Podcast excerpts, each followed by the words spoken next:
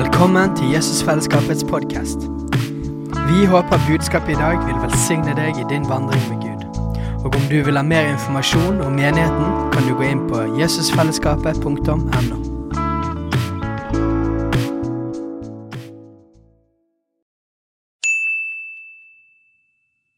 Hei! Visste du at Jesusfellesskapet starter en ny bibelskole til høsten? Den heter Jesusskolen og starter den 3. september. Gå inn på jesusskolen.no for mer informasjon. Du kan egentlig bare ta Bibelen og så eh, slå opp i første Mosebok, kapittel 1. Fordi at um, jeg skal snakke om det mest kontroversielle temaet som finnes i Norge i dag.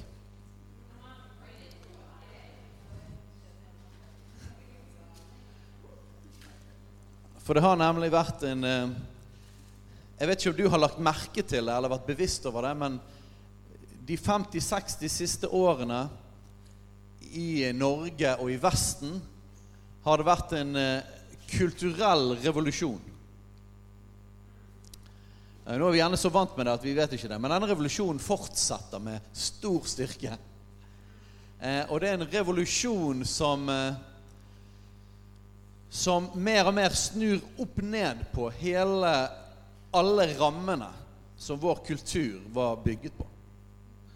Eh, og de rammene de var bygget på i all hovedsak Guds ord.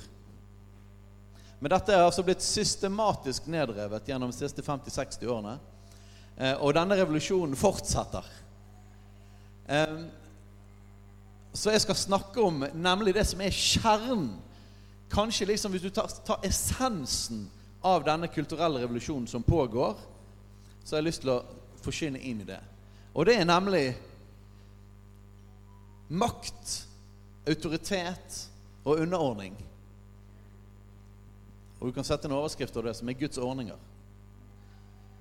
Fordi at eh, det finnes altså et kulturelt trykk som er ute etter å omdefinere autoritet og omdefinere hva kjærlighet er for noe. Og eh, la meg lese den første setningen jeg, eh, jeg skrev her. Ikke sikkert du forstår alle detaljene i dette, men her ligger det mye bra, folkens. Jeg skal bare slippe en bombe midt inn i dette demoniske festningsarket. Halleluja. Og jeg La meg si det at vi er veldig preget av disse tingene. Oss alle. Vi alle blir preget av kulturen vi er i. Eh, men derfor trenger vi å forkynne Guds ord. Forkynne Guds ord og hans natur og hans hensikter. Og det som ligger bak der. Eh, det er, en, det er en fare for oss at vi blir, vi blir så opptatt av enkeltsaker og enkelt, enkelte aspekter av dette her, som gjør at vi på en måte roter oss vekk i debatten om de tingene, og ikke skjønner hva tanker eller krefter hva ideologi som ligger bak. Så vi trenger å kjenne Gud og Guds ord, og vi trenger å kjenne hva strømninger som er i kulturen. Ok, rett inn i kjernen her.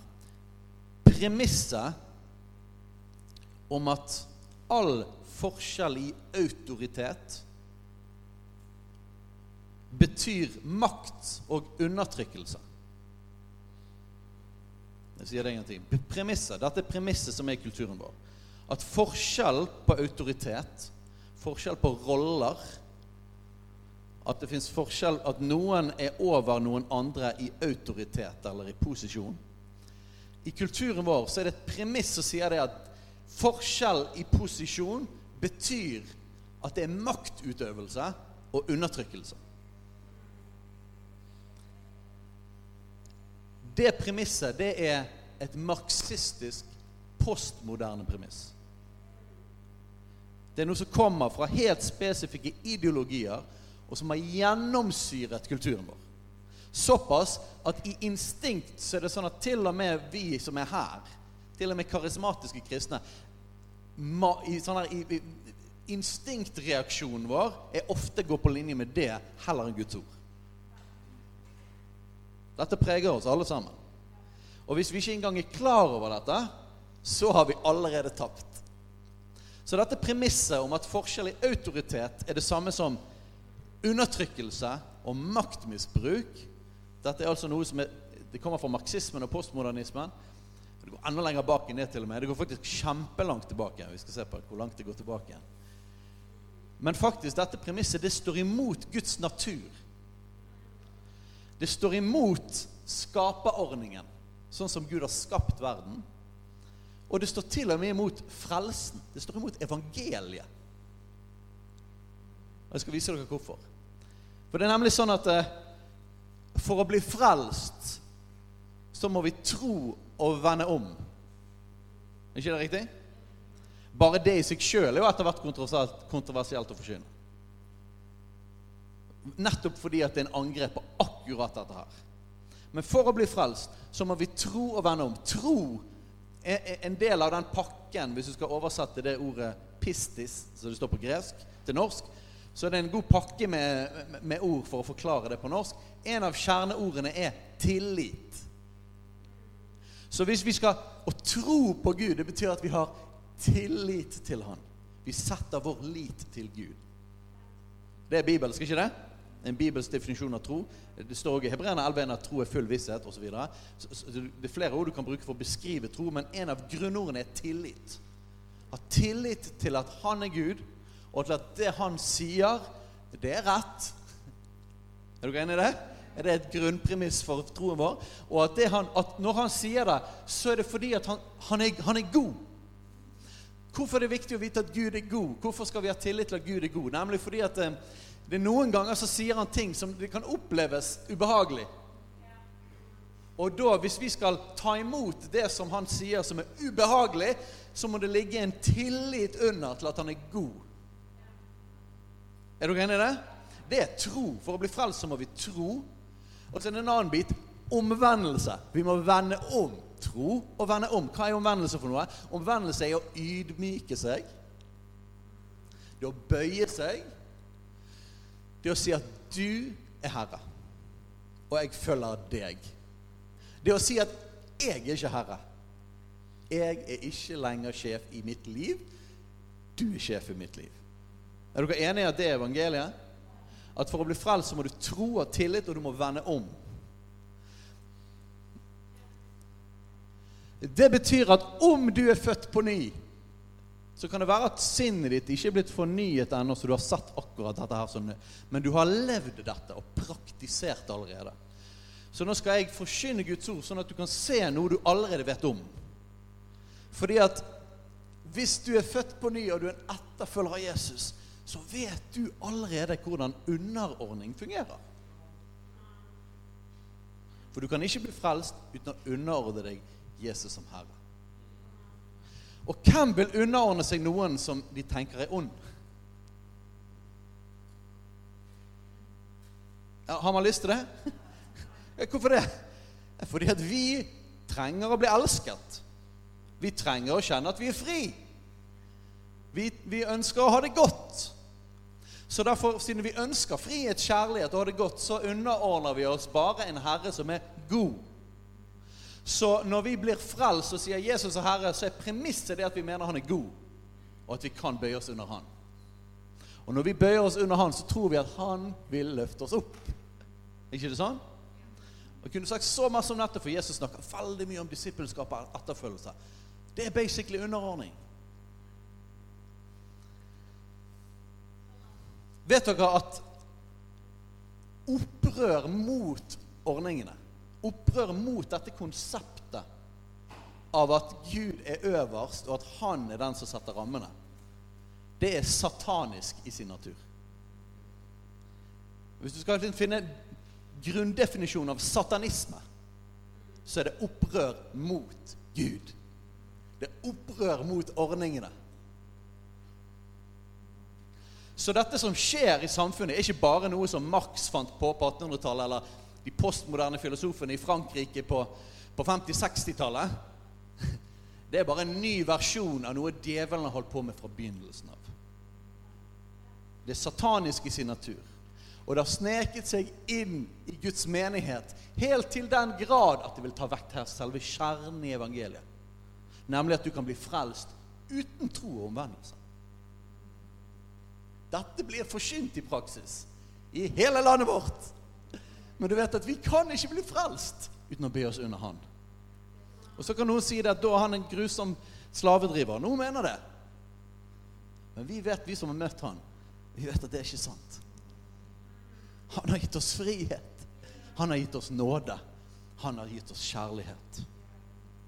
Guds struktur for hele universet, det er basert på familie. I familie så har du sammensmeltingen av autoritet og kjærlighet. Er ikke det sant? Autoritet og kjærlighet. Familien har rammer. Familien har en far og en mor og barn. Barna er ikke foreldre. Er foreldrene foreldre fordi at de vil undertrykke barna? Nei, det er fordi at de vil at de skal få vokse opp. De skal ha det godt, de skal få alt de trenger. Og de skal få vokse opp og bli sterke, blomstrende mennesker.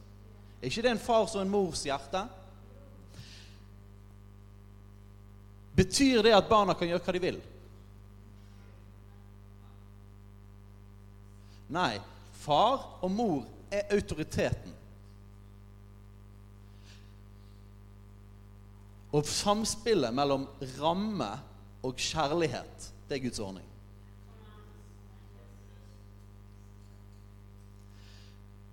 Det som veldig ofte kommer opp i oss når man snakker om rammer, underordning og autoritet, det er Jammen, tenk, makt kan misbrukes. Ja, det kan det. Autoritet kan misbrukes, og har blitt misbrukt. Svaret på at makt, eller autoritet, posisjon, blir misbrukt, er ikke å rive ned ordningene, men det er å lære Guds ordninger og fylle det med Guds innhold. Derfor vil jeg forkynne det. Sånn at dere kan avsløre når denne opprørets ånd kommer og vil rive ned rammen. Fordi at man mener at rammen i seg sjøl er undertrykkende. Det er ikke bibelsk. Og faktisk, hvis du, skal, hvis du mener at rammen er undertrykkende i seg sjøl, hvis du følger den tanken, så vil du falle fra. Du vil miste Du vil ikke tenke lenger at Bibelen er autoritet, du vil ikke si at Jesus er herre lenger, og du vil gå ut av frelsen. Det går ikke an å være frelst uten å forstå dette. Noen prøver på det nå. Men her trenger vi å være våkne. Det at undertrykkelse og misbruk av posisjon skjer, det gir oss ikke en rett til å rive ned Guds gode ordninger. Det gir oss et ansvar til å både forstå ordningene, men òg å leve dem sånn som Jesus har tenkt. Sant? Fylt av Guds kjærlighet. Verden har snudd alt opp ned. La oss ta bare disse to tingene. Jeg har vært inne på de. Kjærlighet. Hvem er det som definerer kjærlighet? Det er jo Guds ord. Det er jo Gud som definerer kjærlighet. Gud er kjærlighet, står det i 1. Johannes kapittel 4. Gud er kjærlighet. Så han er vel definisjonen av kjærlighet, ikke det? Det står flere ganger at Jesus viste sin kjærlighet. Han viste sin kjærlighet på korset. Så definisjonen av kjærlighet, det er ikke at jeg får det jeg vil ha. Det er ikke kjærlighet. Kjærlighet er at jeg legger ned mitt liv. Er ikke det definisjonen av kjærlighet i Bibelen? Jeg legger ned mitt liv. Så definisjonen av kjærlighet blir snudd opp ned. Det var pride i går. Var ikke det? Feiring av kjærligheten. Definisjonen av kjærlighet i både pride og i kulturen vår er at kjærlighet er at jeg får det jeg vil ha og har behov for. Kan ikke hindre kjærlighet, men det, sant? kjærlighet går den veien.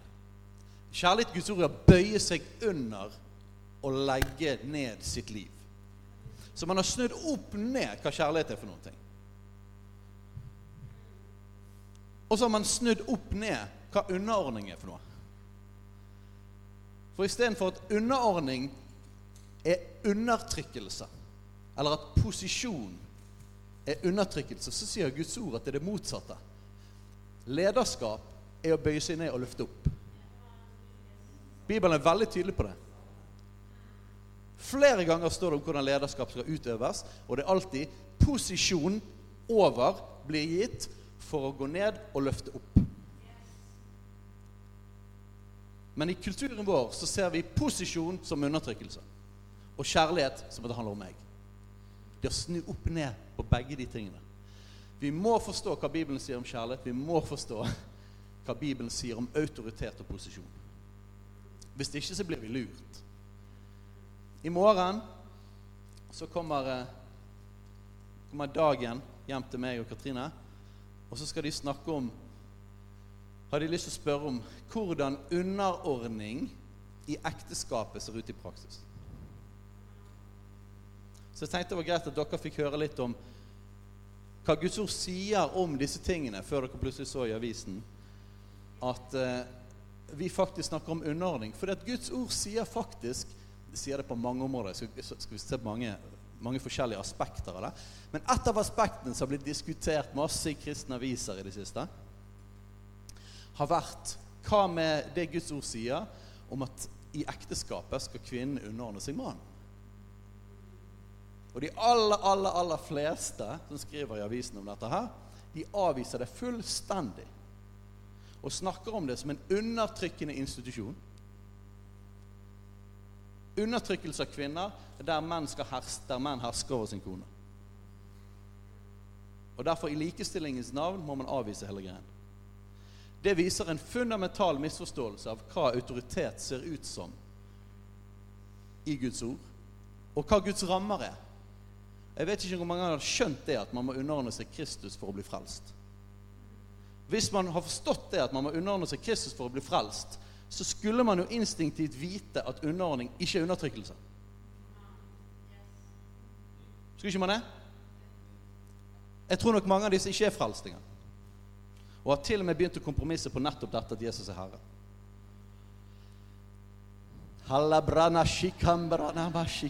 Halleluja. Skal vi se litt på djevelen? Hæ?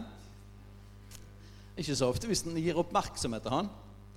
Men, eh, men i dag fortjener han litt oppmerksomhet. Slå opp i Esekiel 28, vers 14. Det er to sånne hovedskriftsteder der det står som blir regnet som historien om djevelens fall. Eller hvordan Lucifer ble Satan. Engelen Lucifer.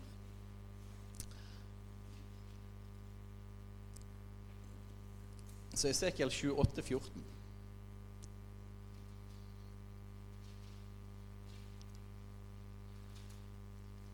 Du var en salvet kjerub med dekkende vinger.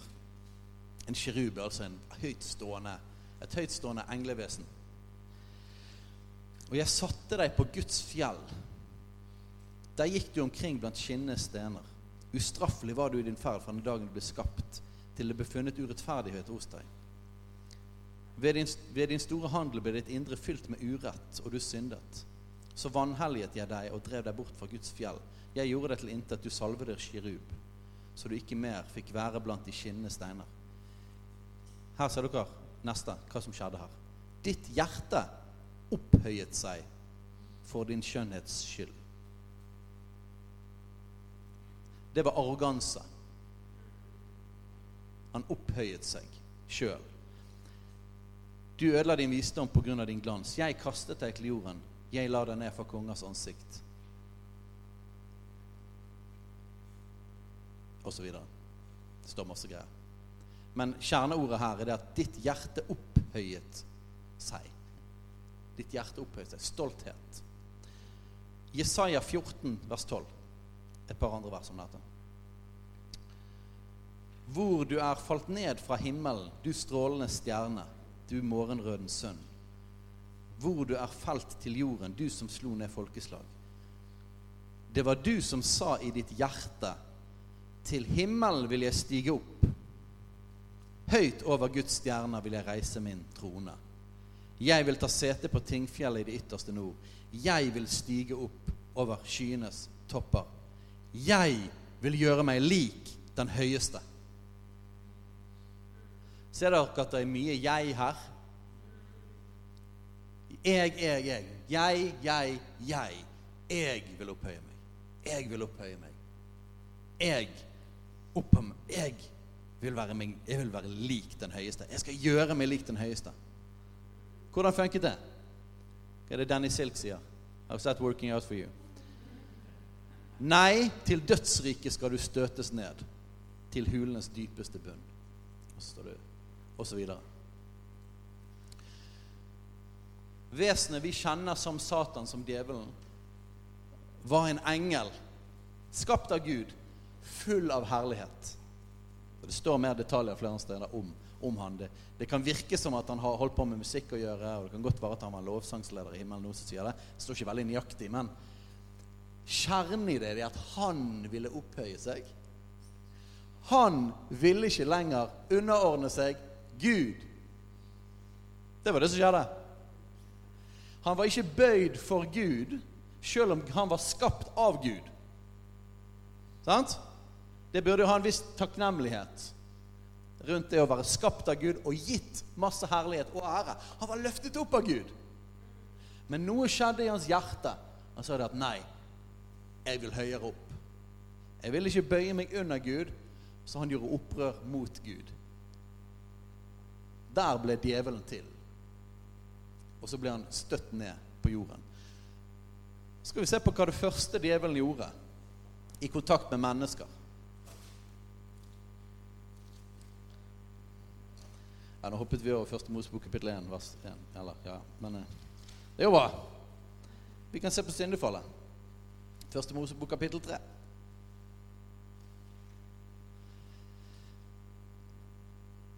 Vers 1. Men slangen Vi vet hvem det er, sant? Var listigere enn alle dyr på marken som Gud Herren hadde gjort. Og den sa til kvinnen, har Gud virkelig sagt? Dere skal ikke ete av noe tre i hagen. Kvinnen sa til slangen, vi kan ete av frukten på trærne i hagen, men om frukten på det treet som er midt i hagen, har Gud sagt, dere skal ikke ete den og ikke røre den, for da dør dere. Da sa slangen til kvinnen, dere kommer slett ikke til å dø. Men Gud vet at den dagen dere eter av det, vil øynene deres åpnes, og dere vil bli slik som Gud og kjenne godt og ondt. Kvinnen så nå at treet var godt å ete av. Prikk, prikk, prikk.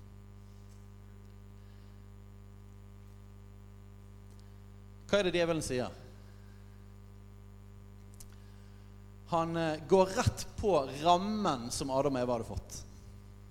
Og de hadde ikke fått mange rammer. og lite rammer i Edens hage. De kunne spise alt de ville, de hadde frihet. Gud vandret i hagen sammen med dem. De hadde full kontakt og relasjon med deres skaper, som hadde gitt dem livet og var full av kjærlighet. Det er settingen, ikke det? Og han hadde satt Massevis av trær i hagen. Plant de Rimelig mye mer enn de trengte. Overflod av mat. Overflod av liv. De skulle aldri dø. De hadde en perfekt relasjon seg imellom. Først var det bare mannen, men så så Gud at det ikke er godt for mannen var alene, så han ga mannen kvinnen, sånn at de to skulle være ett. Gud er en far som fyller alle våre behov, og han vet hva som er våre behov, for han har skapt oss.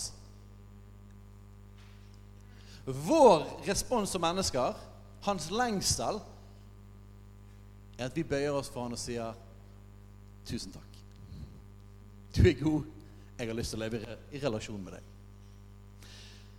Men Gud satte treet til kunnskap om godt og ondt i hagen for at Adam og Eva skulle ha muligheten, valget, til å enten følge han, leve i tillit Tillit til at Gud er god. Eller gjøre opprør mot ham. Om dere spiser av det treet, så skal dere dø. De hadde nok trær, hadde ikke de? Så det handlet ikke om treet eller den frukten. Det handlet om å stole på Gud. Det handlet om å ydmyke seg og bøye seg og si det at Gud vet best for meg. Hvis han sier det at det ikke er bra, så stoler jeg på han. Hva er det djevelen sier? Nei, nei, nei, nei, nei. Gud lyger. Dere kommer ikke til å dø. Gud vil ikke dere godt. Det er nemlig sånn at hvis dere spiser det, så blir dere sånn som Gud. Det var jo det djevelen ville, var ikke det? Gud holder noe tilbake for dere. Det er derfor han sa, at dere ikke skulle spise det treet. Gud er ikke god. Gud er ond. Det er fundamentet for synd. Det er òg fundamentet for tro og etterfølgelse. Tror vi at Gud er god når han sier at 'jeg skapte dere til mann og kvinne'? To kjønn. Eller tror vi at han undertrykker de som føler seg som et annet kjønn?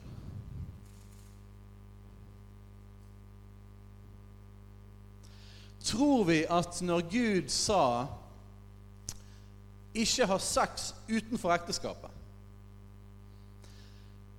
tror vi at han sier det fordi at han elsker oss, og fordi at han har lagd en pakt, en ramme, med gjensidig, livslang kjærlighet som gjør at som det beste rammen for sex.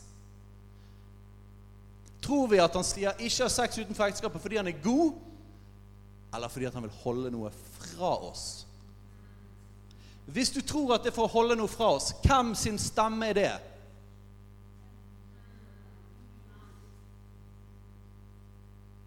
Hvis du tror at det er å være transfob og undertrykkende og si at det bare fins menn og kvinner, hvem sin stemme er det? Hvem er det som sier transfob? Den samme fyren. Det er Satan. Når Gud sier 'menn skal ikke ha sex med menn', er det fordi at han vil undertrykke og ta kjærlighet og liv og frihet fra de som kjenner tiltrekning til samme kjønn? Er det derfor? Eller er det fordi at han er god, og han vet hvordan vi er skapt? Han vet hvordan han har satt sammen hele universet. Han vet at han har skapt mann og kvinne. Han vet at han har skapt sex. Fordi at han er god. Han vil sex. Men han har lagd rammen for det. Er han god,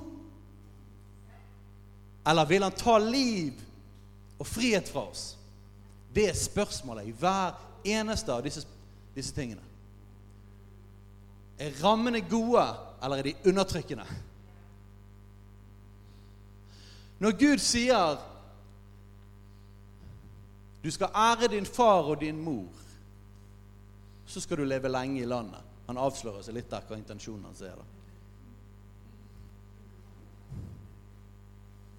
Når han sier du skal ære din far og din mor, eller som i festerne skal underordne deg din far og din mor, sier han det fordi at han vil barna ondt? Sier han det fordi at han vil at foreldre skal herske over barna, sånn at de får en grusom oppvekst? Er det Guds intensjon?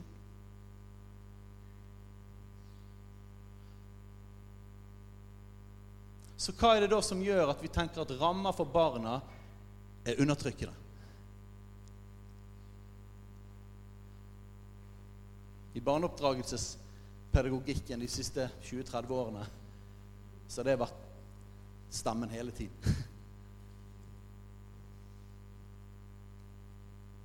Nei, Guds intensjon er god for at du skal ha det godt å leve lenge i landet. For at han har skapt det sånn. Mor, far, barn. Til barnas beste. Hvorfor sier han ikke Dere skal ikke skille dere. Er det for å binde et ektepar i noe grusomt? Eller er det for å skape en ramme som er god for både de og for barna? Statistikken bekrefter alle disse tingene.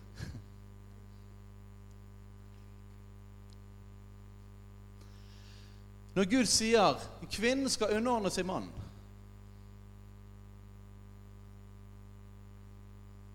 Er det for at kvinnen skal bli undertrykket? Eller er det en ramme som Gud har skapt fordi han er god, og han vet hvordan han har skapt oss? Skjønner dere hva jeg snakker om? Hvis du bare tar disse enkeltsakene, skriver i Vårt Land om underordning, og ikke forstår linjen som går helt tilbake fra skapelsen og fra djevelens natur, så er man blind, og man skjønner det ikke. Gjennom hele Guds ord så er underordning godt. Men det krever tillit. Det krever tillit. En av de største problemene i norsk skolevesen, eller hele Vestens skolevesen Vet dere hva det er? Regner med dere har fått det med dere. Barna hører ikke på lærere lenger. Det er kaos i klasserommene. Det er så mange som sliter med hodepine og frustrasjon for det er så bråkete i klassen. Lærerne må bruke så stor prosent av sin rolle til å oppdra. Til å prøve å hindre kaos. Det er steintøft å være lærer. Hvorfor det? Det er fordi det er en krig mot autoritet.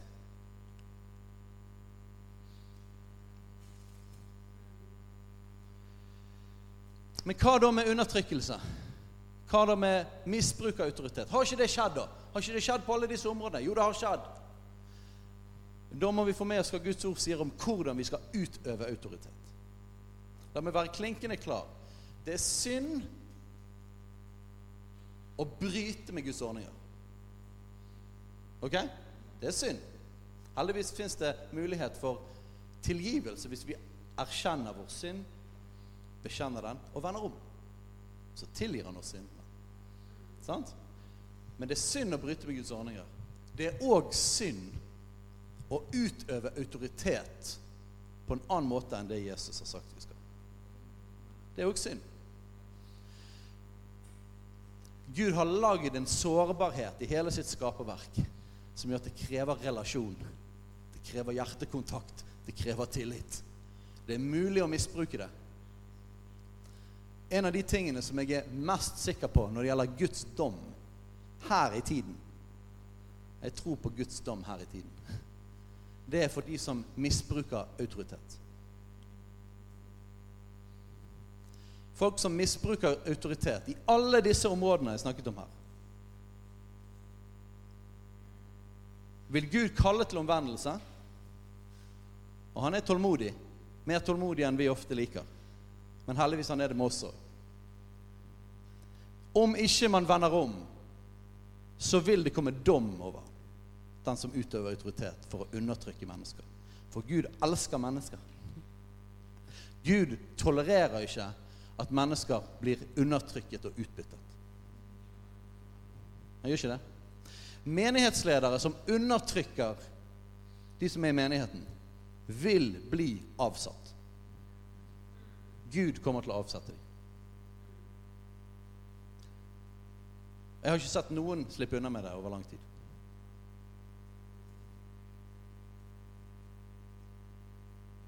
Menn som undertrykker sin kone og bruker underordning som et argument for det, og ikke leder sånn som Jesus har sagt, vil ødelegge sitt ekteskap og sin familie. Og etter hvert høste konsekvensen av det fordi at ingen kan leve med en tyrann i lengden.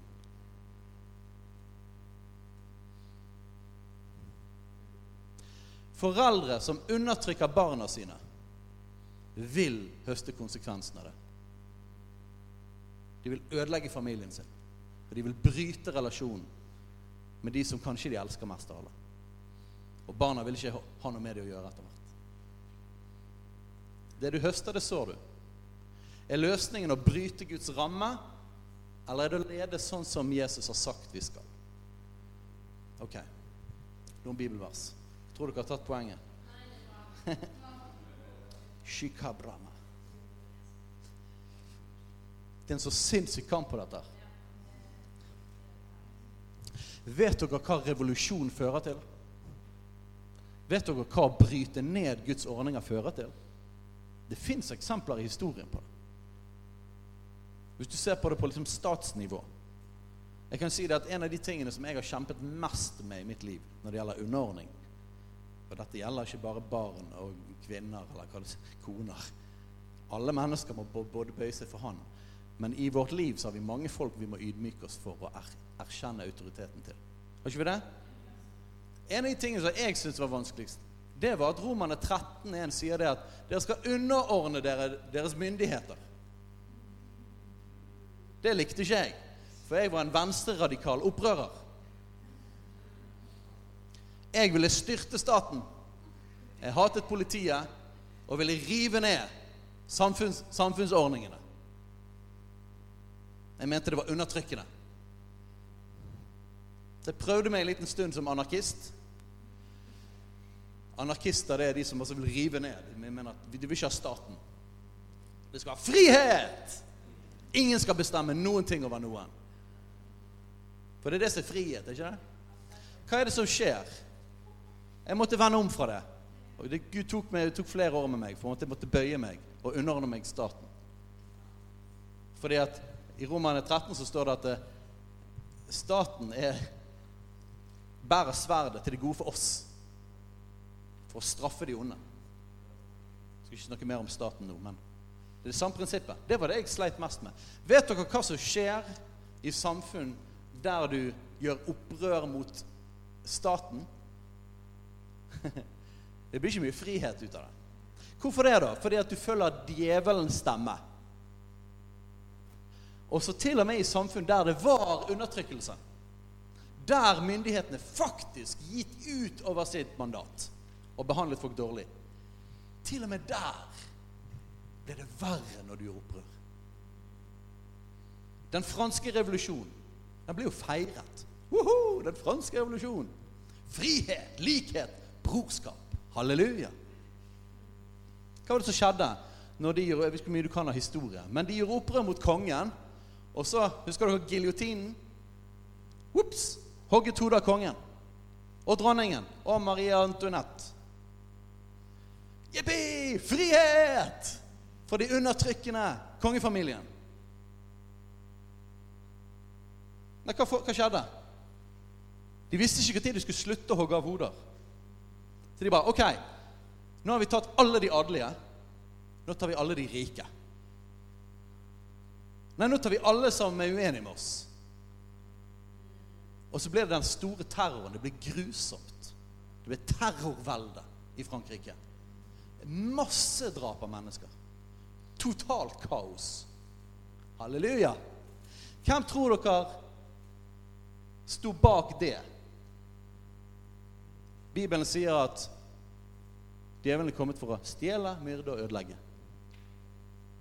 Den russiske revolusjonen Tsaren han var ikke en veldig hyggelig fyr. Så ble det revolusjon, og etter hvert oktoberrevolusjon, og Lenin og kommunistene tok over makten.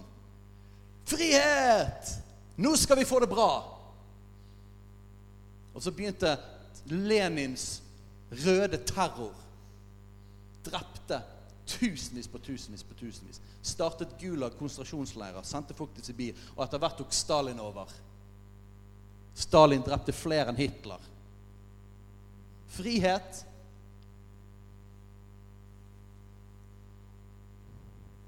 Det får konsekvenser. Jeg kan snakke om Kambodsja, vi kan snakke om Kina. Vi kan snakke om masse historiske, historiske, eksempler. Når du river ned Guds rammer, så åpner du døren for vidt gap for djevelen. Og han kommer inn og han stjeler, myrder og ødelegger. Det samme skjedde under, under eh, eh, Jeg glemte navnet på Den arabiske våren. Det er ikke så lenge siden. Masse flere land i Midtøsten, arabiske land, som hadde hatt relativt undertrykkende diktatorer. Men i forhold til hva som skjedde etter de gjorde opprør, og revolusjonen skjedde, så viste det seg at de var ikke så fæle likevel. For det som kommer, mye, mye verre. Betyr det at det er greit med diktatorer? Nei. Men Jesus han levde nemlig i en tid der, var, der det var et undertrykkende regime. Det kaltes Romerriket. Og de okkuperte Israel. Og de var ikke veldig snille med israelerne. Men Jesus sa at den som griper til sverd, skal falle for sverd. Jesus nektet å gjøre opprør mot romerne. Ingen av de kristne i den første kristne tiden gjorde opprør mot regimet. De var fri på innsiden. Vår, vårt rike er av en annen verden. De nektet å gjøre opprør. Paulus, når han skrev 'underordne dere myndighetene', var under en undertrykkende keiser. Halleluja!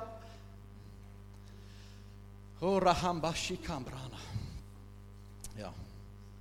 Ok. Johannes 13. Ok, klokken. Vi, er vel, vi nærmer oss slutten. Klokken er til. Ok. Går vi inn mot slutten. Jeg, bare, jeg, må bare lese Jeg leser noen bibelvers nå. Prøver å si ikke så mye om dem. Bare sier litt, Dette sier litt om hvordan Guds ord sier at man skal utøve autoritet. Johannes 13, vers 1-16. Dette var før påskehøytiden, og Jesus visste at hans time var kommet da han skulle bort fra denne verden til Faderen. Den som hadde elsket, som hadde elsket sine egne som var i verden, slik elsket han dem til det siste. De holdt ham måltid. Djevelen hadde allerede inngitt i hjertet til Judas, sønn av Simon Iskarut, at han skulle forråde ham. Jesus visste at Faderen hadde gitt alt i hans hender, at han var utgått fra Gud og gikk til Gud. Da reiser han seg fra måltidet, legger av seg klærne og tar et linklede og binder det om seg. Deretter slår han vann i et fat og begynner å vaske disiplenes føtter og tørke dem med linkledet som han har bundet om seg. Han kommer da til Simon, Peter, og sier til ham Og denne sier til ham, 'Herre, vasker du mine føtter?' Jesus svarte også til ham, 'Det jeg gjør, forstår du ikke nå, men du skal skjønne det senere.' Peter sier til ham, 'Aldri i evighet skal du vaske mine føtter.' Jesus svarte han, 'Dersom jeg ikke vasker det, har du ingen del i meg.' Simon Peter sier til ham, 'Herre, ikke bare mine føtter, men også hendene og hodet.' Jesus sier til ham, 'Den som har badet, trenger ikke annet enn å vaske føttene. Han er jo ren. Også dere er rene, men ikke alle.' For han visste hvem som skulle forråde ham. Derfor sa han, 'Dere er ikke alle rene.' Da han hadde vasket føttene deres og tatt på klærne, satte han seg til bords igjen. Så sa han til dem, 'Forstår dere hva jeg har gjort med dere?' Og her kommer det. Dere kaller meg mester og herre. Og med rette sier dere det, for jeg er det. Så hva var Jesus sin måte å lede på? Var det å si 'jeg er ikke leder'? Var det å si at her har vi demokrati? Var det å si at 'jeg har ingenting mer å si her enn dere'? Hallo? Nei. Dere sier at jeg er mester og herre.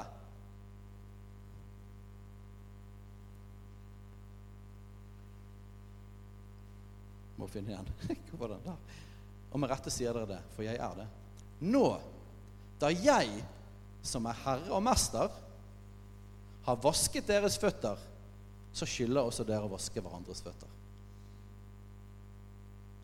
Hva betyr det? Det betyr at hvis Jesus er vår mester og herre, så har han kommandert oss å lede på den måten han gjorde.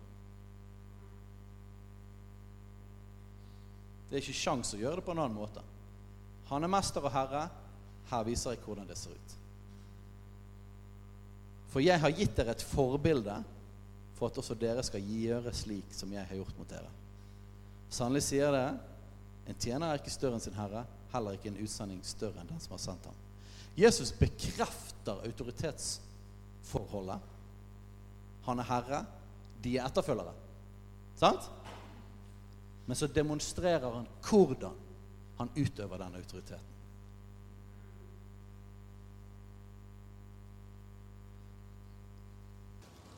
Først Peter 5, 1-6. Her har de fått en menighetsledelse. Men det er det samme prinsippet i alle disse forskjellene, alle disse områdene av autoritet. og underordning, sant? Det samme prinsippet hele veien. 1. Peter 5, 1-6.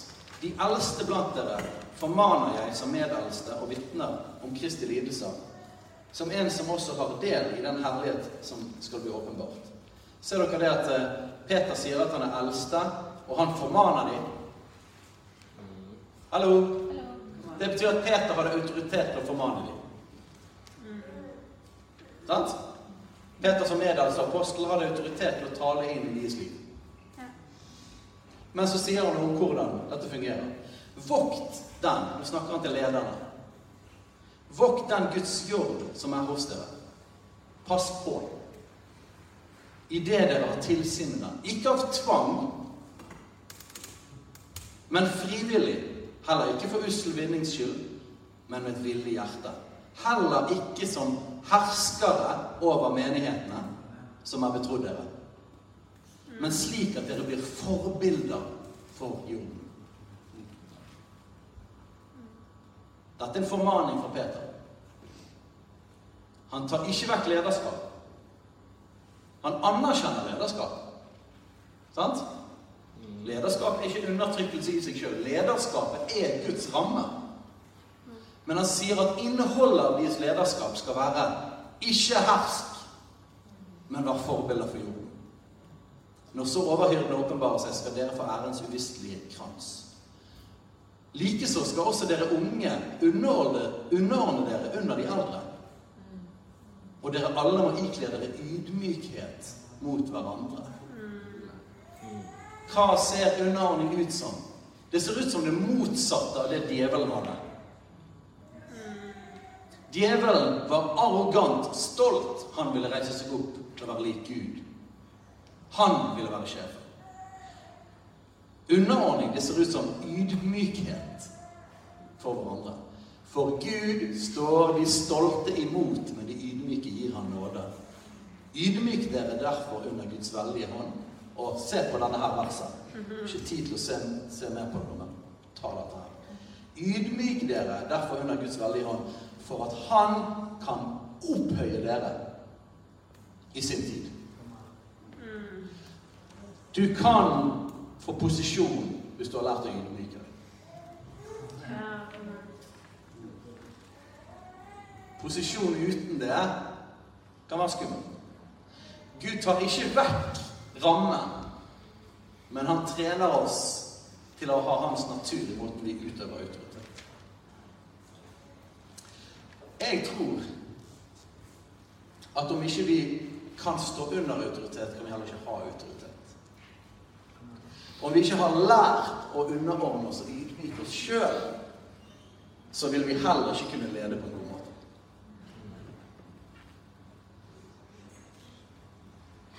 Jeg tror ingen kan utøve autoritet i Guds rike hvis man ikke har lært dette. Halleluja! For at kjærlighet handler ikke om meg, meg, meg.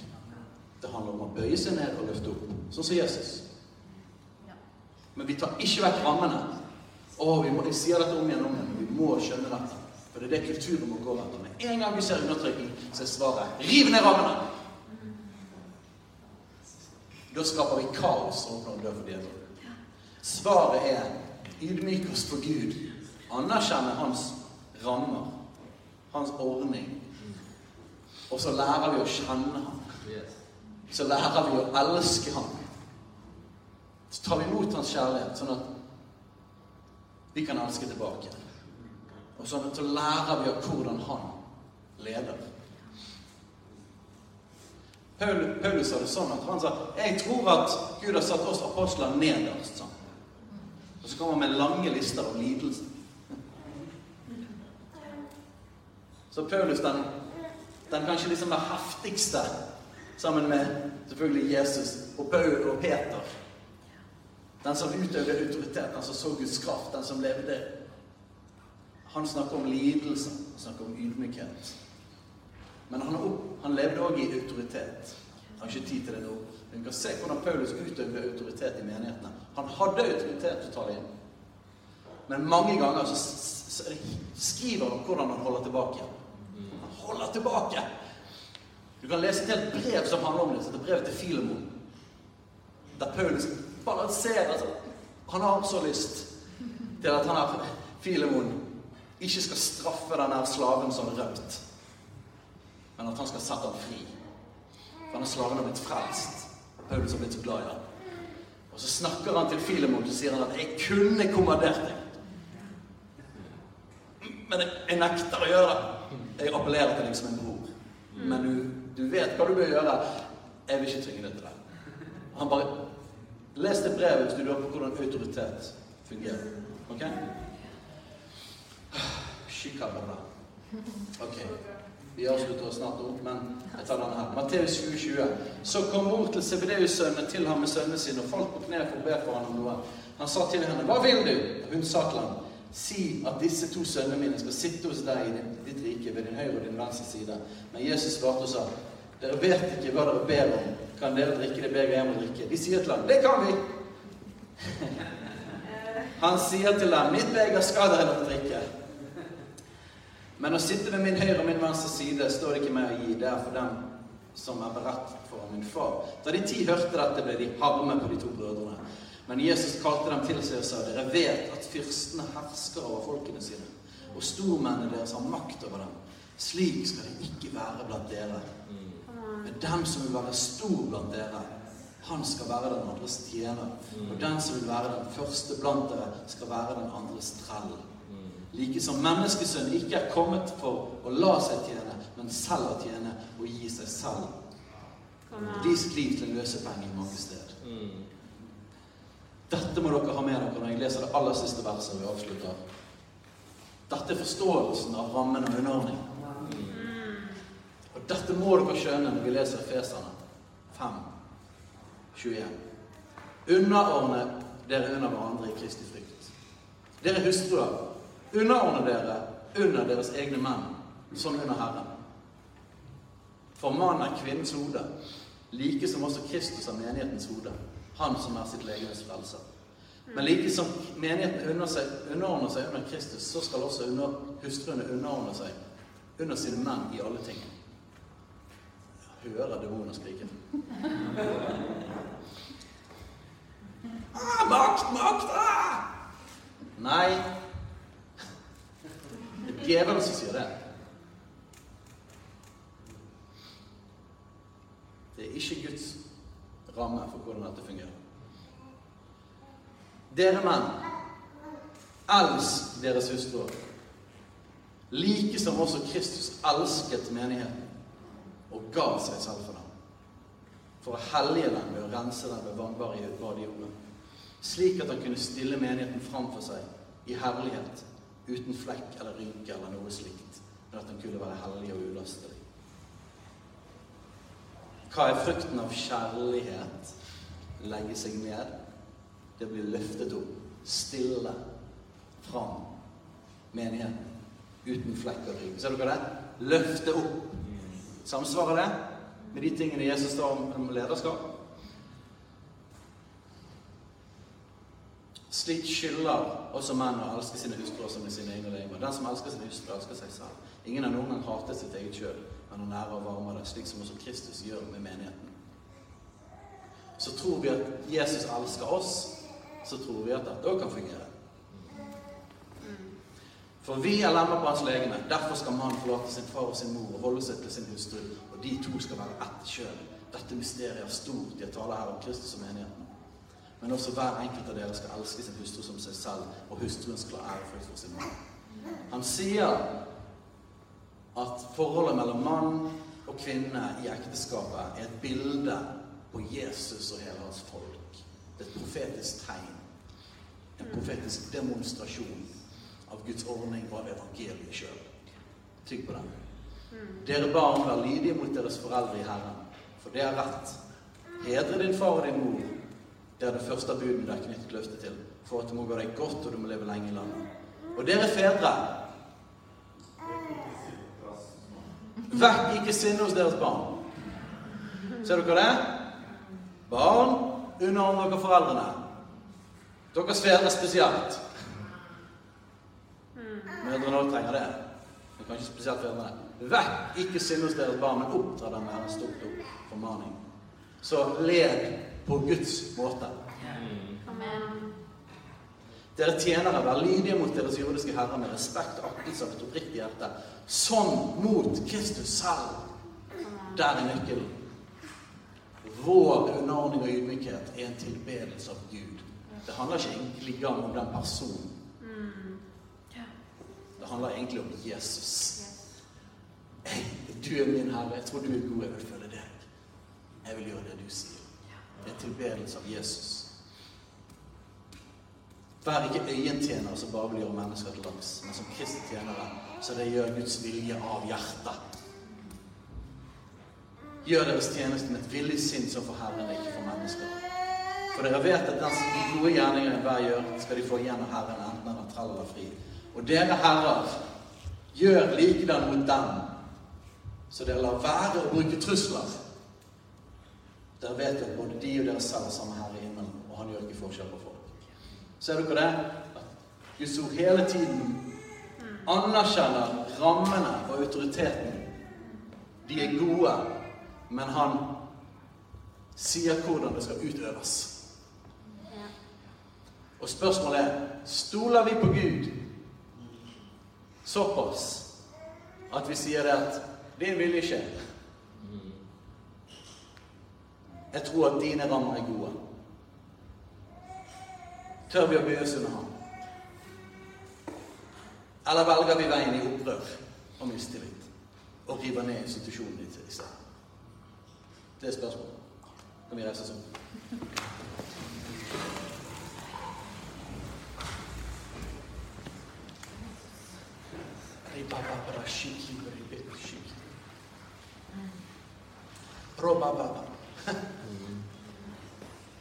Og I tilfelle dere lurer på det Det jeg gjør nå, er en utøvelse av underordning.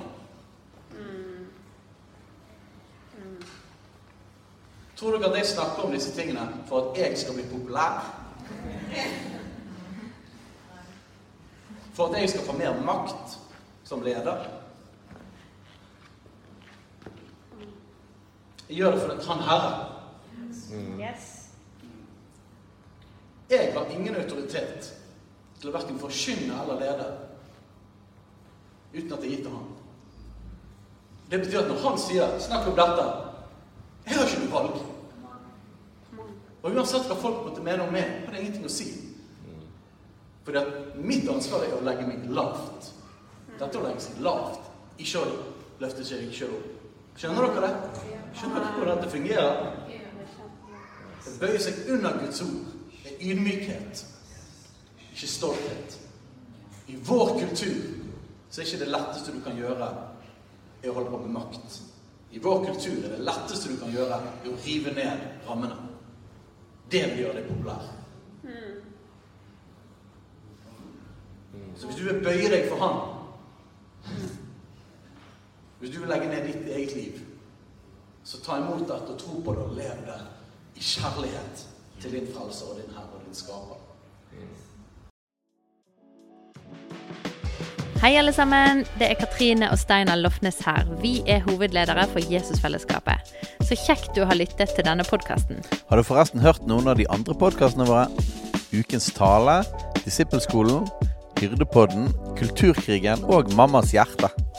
Du finner disse podkastene på Spotify, Apple Podkaster og på nettsiden vår jesusfellesskapet.no.